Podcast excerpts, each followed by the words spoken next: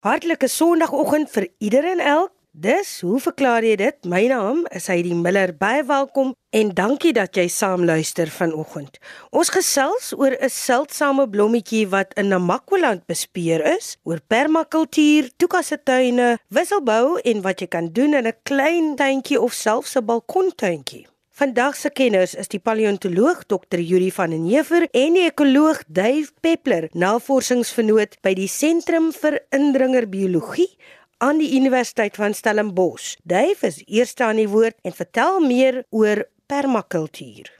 Goeiemôre Heidi, luisteraars en my kollegas. In 'n vorige program het ek 'n vraag beantwoord van Egbert Gerrits wat geskryf het oor Charles Hughes Smith se artikel Surviving 2020, maar verder in sy brief het hy eh, begin skryf oor Bill Mollison, die vader van permakultuur. En hy sê dat die praktyk sal seker baie meer aandag en kennis verg as die paar woorde hierbo. Die begrip is ontwikkel in 1978 deur Bill Mollison, die seun van 'n Tasmaniese visserman wat gevorder het tot professor in biogeografie en omgewingssielkunde. Hy het 'n boek van meer as 600 bladsye geskryf, Permaculture: A Designer's Manual, wat gratis afgelaai word. Ehm um, dan uh, sy laaste vraag is, miskien kan jy ook oppervlakkig aandui of ons eie gewone mense so iets kan aanpak en bemeester. 'n Mens is nooit te oud om te leer nie en die span wetenskaplike slag op 'n wonderlike manier om jou kennis weekliks aan te vul. Baie dankie Egbert. Ons probeer wel. Nou, kom ons begin kyk 'n bietjie na die term permakultuur, die Engelse permaculture.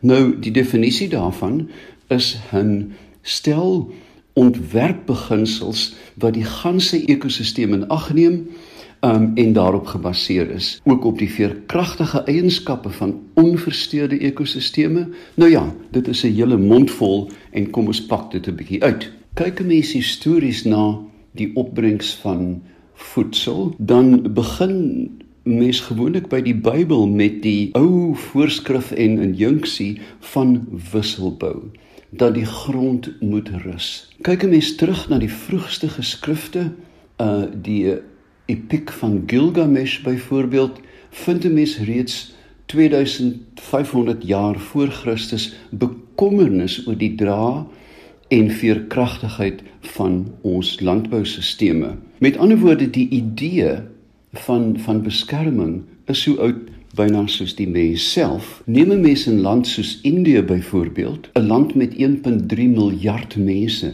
weet ons dat hulle meer as 4 jaar voedselsekuriteit het. Dit beteken indien die die monsoonwinde sal ophou waai en geen reën sal val nie, kan hulle vir ten minste 4 jaar die ganse bevolking voed. Nou, hoe kry hulle dit reg? Ek is heilig oortuig dat die groot meerderheid van landbou in Indië is op klein bestuurseenhede gebaseer. Klein landjies um, ry maar deur die platteland. Hier en daar is groot ontwikkelings, maar meestal is dit 'n piepklein landjie koring langs 'n vrugteboord, ehm um, en dan weer 'n groentetuin ensovoorts. En die eenhede is klein en word gereeld afgewissel. En ek dink ehm um, soos in baie uh, gevalle met Egipte ook, is hierdie klein produksie eenheid dalk een van die antwoorde. As ons kyk nader aan onsself hier in Suid-Afrika, dink ek aan die tuine van my jeug waar byna elke huis in die dorp 'n hoenderhok gehad het, 'n komposhoop, mollem gebruik het en ook wisselbou toegepas het. Jy het nooit 'n land ehm um, tomaties geplant op 'n vorige planting nie. Jy het dit op die boerboontjie stuk geplant. Met ander woorde, daar's afgewissel en so is alwurms en peste in 'n baie groot mate verminder. Maar die keerpunt van ons bestuur van die grond en produksie het hier na die Tweede Wêreldoorlog gebeur in die 1950s met kragtige gifstowwe, onkruiddoders en mekanisasie. In 1948 het Aldo Leopold in sy verstommende lieflike boek um, 'n Sand County Almanac reeds begin om die grondwerk te doen vir die moderne ekologie en ook hoe ons met die omgewing moet omgaan. Hy het gepraat van ecological ethics ensovoorts en terme wat nuut was in daai stadium um, ten opsigte van hoe ons eties en moreel teenoor die grond en die omgewing moet optree. Nou, met die ineenstorting van ons klimaat en ook met die ekosisteme wat onder uh, ondenkbare druk is, is daar nou hernuide belangstelling in 'n meer vriendelike en um, ekologies aanvaarbare manier van voedsel produseer. Die eerste keer wat ek besef het hoe 'n mens van 'n klein lappie aarde kan lewe was 'n um, vriendin van my, 'n boeremeisie in New York wat op haar daktuin van 66 vierkante voet 'n volledige groentetuin en 'n produksieeenheid uh gebou het. Ehm um, daar is 'n uh webwerf of 'n blog van haar in met die naam van 66 square feet en 'n mens kan dit ehm um, gaan bekyk. Nou uh terselfdertyd het in Engeland 'n beweging begin met die naam van Gorilla Gardeners. En hierdie was werklik ehm um, uh, sluip en en sluik tuiniers wat uh, om middernag met uh, kaputsies oor die kop stukke onbenutte stadgrond omskep het in tuine wat uh, blomme geproduseer het, wat bye gelok het en so kon hulle begin heuning maak in die hart van Londen. Iets wat later die afgelope 10 jaar het 'n um, joernalis van The Guardian in Engeland met die naam van George Monbiot begin met die idee van rewilding, wildernisherskepping waar deur versigtige bestuur eens vernielde omgewings weer teruggebring kan word na funksionele ekosisteme met die nodige inhoud van diversiteit. Nou ja, en toe kom Bill Mollison in 1978 met die idee van permaculture. Aanvanklik het dit bestaan uit 'n ekologiese ontwerp, 'n ekologiese ingenieurswese, omgewingsontwerp en natuurlik ook gereguleerde waterbestuur. En dit het algemeen begin, maar baie gou het mense besef hoe wys die benadering was en hierdie bestuurstyl, hierdie eh, tegniek het toe drie etiese uitgangspunte gehad. Sorg vir die aarde, sorg vir mense en bestuur jou surplus. Enigiets wat oorbly moet benut word. Baie gou het dit dan uitgebrei na 'n vaste 12 punt ontwerpbeginsel.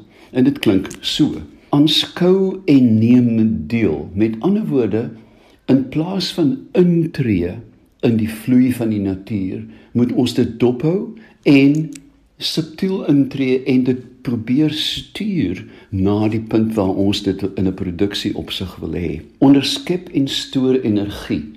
In 1978 het Mollison al gesien hier kom 'n reuse probleem met energie um, in die wêreld en het gesê dat 'n mens die goed moet probeer onderskep en stoor. So het daar 'n hele ontwerpskool in Kalifornië ontwikkel waar huise gebou is met 'n muur van waterdromme aan die wintersonkant van die huis. Bedag sê die water dan warm geword en snags is die hitte na binne gekaats. Verseker opbrengs. Met ander woorde, moenie goed plant wat jy nie kan verseker vir jou iets gaan teruggee nie. Selfregulering en aanvaar terugvoer.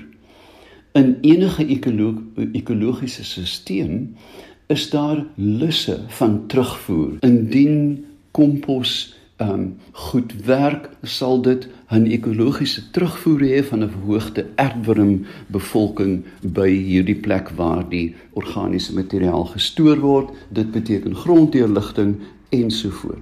Gebruik volhoubare hulpbronne En hier bedoel hy natuurlik nou nie dat 'n mens moet heeltemal gek raak nie, maar dat jy moet reënwater onderskep, dat jy nie die grond nie met kunsmis moet belemmer nie, dat jy molle moet maak ensovoorts. Moenie afval produseer nie. Ek dink een van die grootste onheile van ons gebruikstelsel op die oomblik is die onsaglike volumes afval wat 'n gewone inkopiesak produseer. Met ander woorde wat um, Mollison hier bedoel is dat 'n koerant uh klaar gelees hoef nie weggegooi te word nie, maar dit kan deel word van 'n komposstelsel. Jy gooi natuurlik nou nie 'n hele opgevoude koerant in jou komposhoop nie. Jy maak die ehm um, blaaie oop, vrommel dit op en werk dit dan tussen jou ander kompos in. Hy sê dan ook verder ontwerp volgens natuurlike patrone.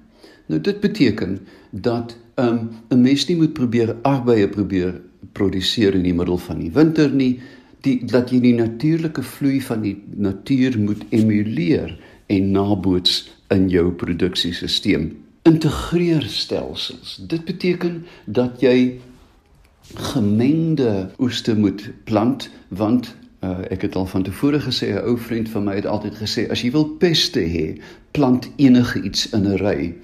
In my eie tuin is daar 'n uh, skybiosa blom en langsaan is daar 'n wortel en twee beetplantjies en dan is dit weer 'n suurlemoen. Met ander woorde, jy probeer die stelsels integreer met 'n bestaande ekologiese stelsel. Klein en stadige oplossings. Dit beteken baie eenvoudig dat indien jy 'n plantpes het, is dit beter om dit eers dop te hou en te sien wat dit doen voor jy jou hele tuin met gif begin spuit. So, dit is 'n 'n fyn dophou proses en iteratief in die sin dat met tyd leer jy hoe om veilig te boer. Gebruik diversiteit en dit reflekteer natuurlik in die vorige stelling wat ek gemaak het van 'n gemengde produksiestelsel um, met ander woorde om byvoorbeeld in sekere omstandighede onkruid toe te laat omdat dit dalk 'n predator van 'n pes mag huisves. Benut grense. Ons weet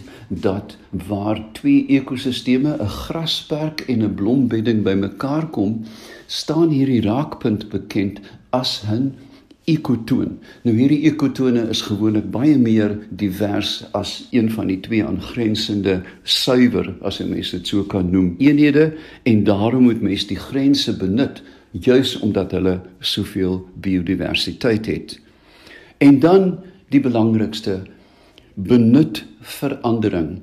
Ons wêreld is besig om daagliks te verander in terme van klimaatsverandering en ook die ineenstorting van natuurlike sisteme. So benut hierdie verandering om groei op die plek waar jy dit wil vestig te kan hanteer. Um en dit beteken dat 'n mens hierdie oplossings nie baie vinnig kan opdoen nie.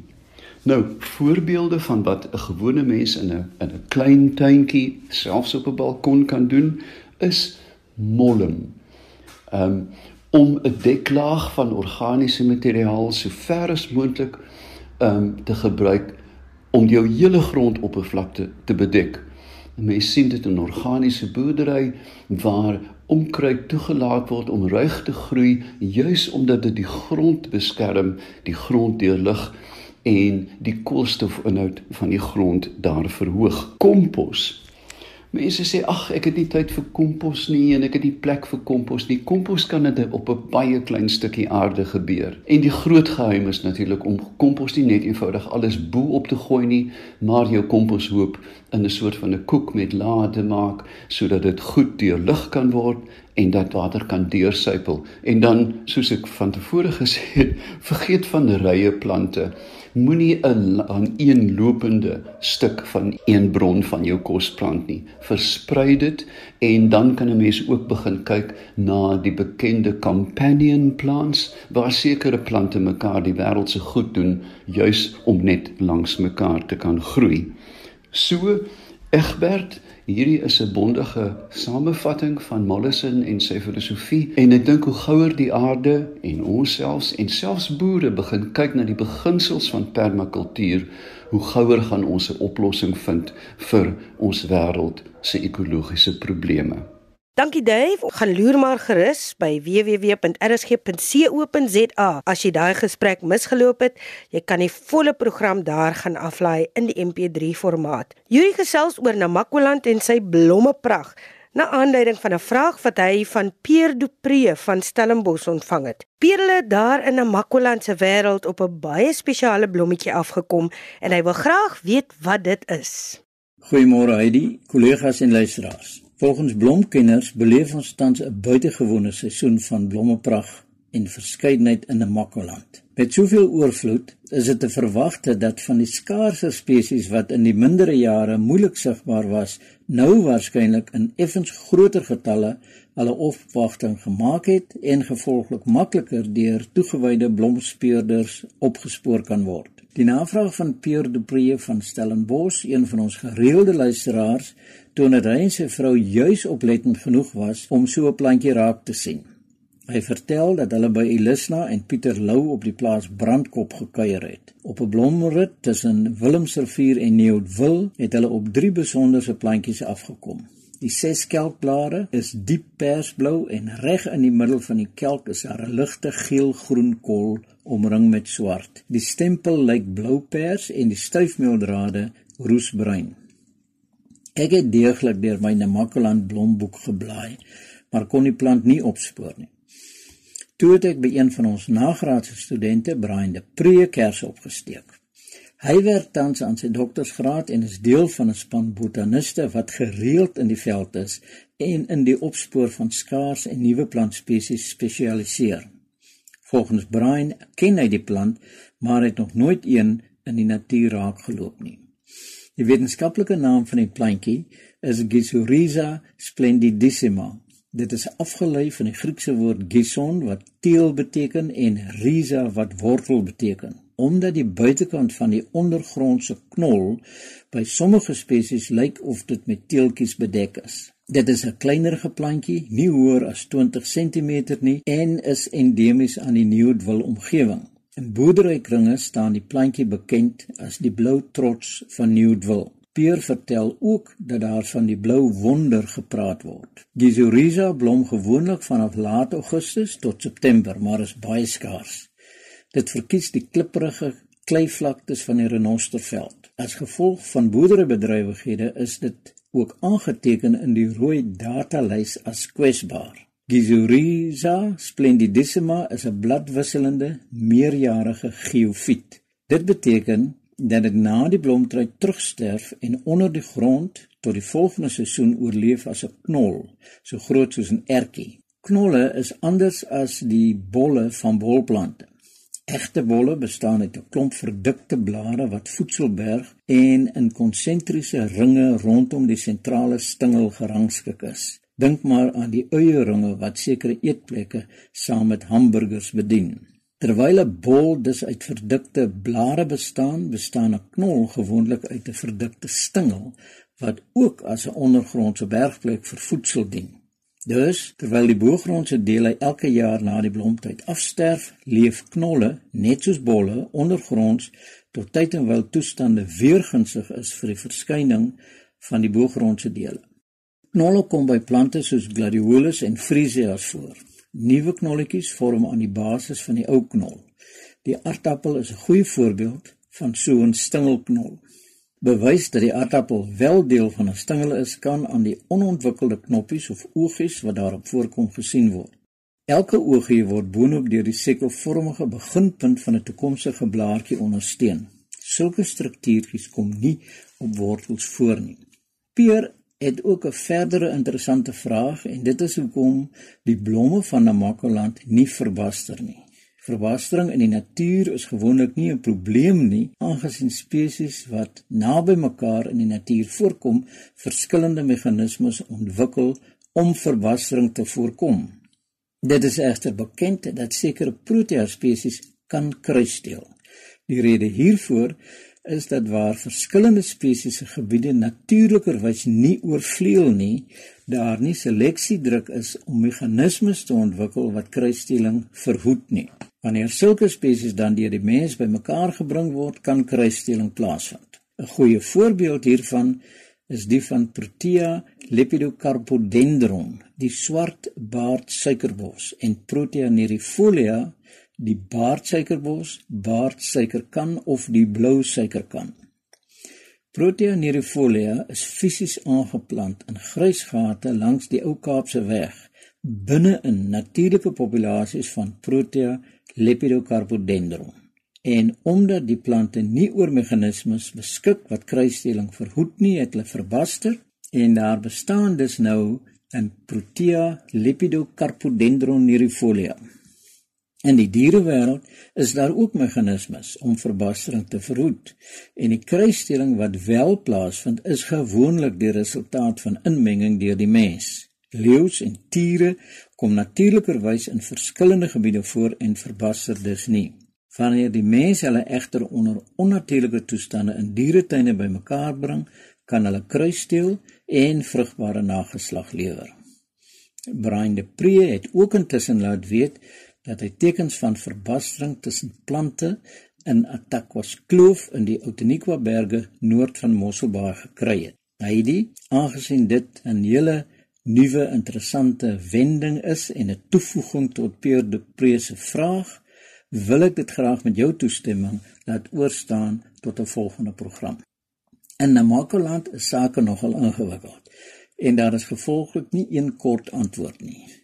Plante beskik wel natuurlikerwys genetiese meganismes om verbastering te voorkom, maar daar is ook fisiese aspekte. Die topografie varieer van vrugbare valleie, hoë berge, halfwoestynvlaktes, die sandveldgebied nader aan die kus en die natter vlei lande wat elkeen sy eie soorte geplante huisves. Hier het Brian de Pre weer gehelp. Sommige plante is aangepas by insekte wat as spesialisbestuivers optree, sodat verskillende dele van dieselfde insek verskillende plante bestuif.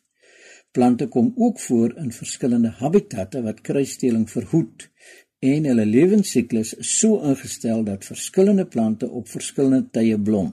Waar daar enorme plate van verskillende soorte blomme voorkom, word elke soort gewoonlik deur net een spesies verteenwoordig. Volgens Brian is dit ook so dat spesies wat naby mekaar voorkom gewoonlik allopatries is. Allopatries beteken verskillende vaderlande en verwys na die verskillende hougebiede van plante en diere. Dit het veral toepassing op naverwante spesies of populasies wat in afsonderlike geografiese gebiede voorkom wat nie oorvleuel nie. In teenstelling hiermee is daar ook simpratiese spesiasie. Sympatries beteken dieselfde vaderland en verwys na gevalle waar nuwe spesies in dieselfde gebiede ontstaan. Navorsers het ook al uitgevind dat sekere blomme deur langtongvliee bestuif word. Die blomme is in die vorm van buisies tussen 20 en 70 mm lank, waarin die vlieg sy tong moet steek om by die nektar uit te kom. Omdat die buisies bietjie langer as die ryk vermoë van die vlieg se tong is, moet die vlieg beur om by die nektar te kom en so smeer die styfmeel aan hom af. Insekte soos bye, wespe en ander vliee kan dus nie as bestuivers optree nie. Sommige plante het selfs 'n spesifieke patroon van verhewe swart kolletjies op die blomblare wat die vorm van die bestuiver naboots. Die bestuiver registreer dit as 'n vroulike insek en probeer daarmee paar. Hy land dus op die regte plek sodat die styfmeel aan hom afsmeer. Die grootste gros, Namakoland blomme, is egter nie so gespesialiseerd nie en besit groot, oop, helder kleurige en radiaal simmetriese blomme. Meeste van die bestuivers bedien dan ook hierdie soort blomme, maar daar bestaan steeds verskille. Sommige vygies byvoorbeeld het blomme wat subtiel verskil ten opsigte van die rangskikking van die stempels, die meeldrade en die blomblare. Dit beteken dat slegs insekte van 'n sekere vorm en grootte as bestuivers kan optree en op dië manier word verhoed dat verbastering plaasvind. Peer, die blomme van 'n makkeland beskik dus oor 'n verskeidenheid meganismes waarmee hulle hulle eie soortigheid in stand hou. Baie dankie vir 'n besondere interessante vraag. Ons sê dankie aan die hoe verklaar jy dit span, Dave Peppler en so ook Yuri van den Heever wat pas gesels het. Aanstaande week is ons terug en dan gesels Lefras oor dwergtrapsietjies. Geniet jou Sondagmiddag.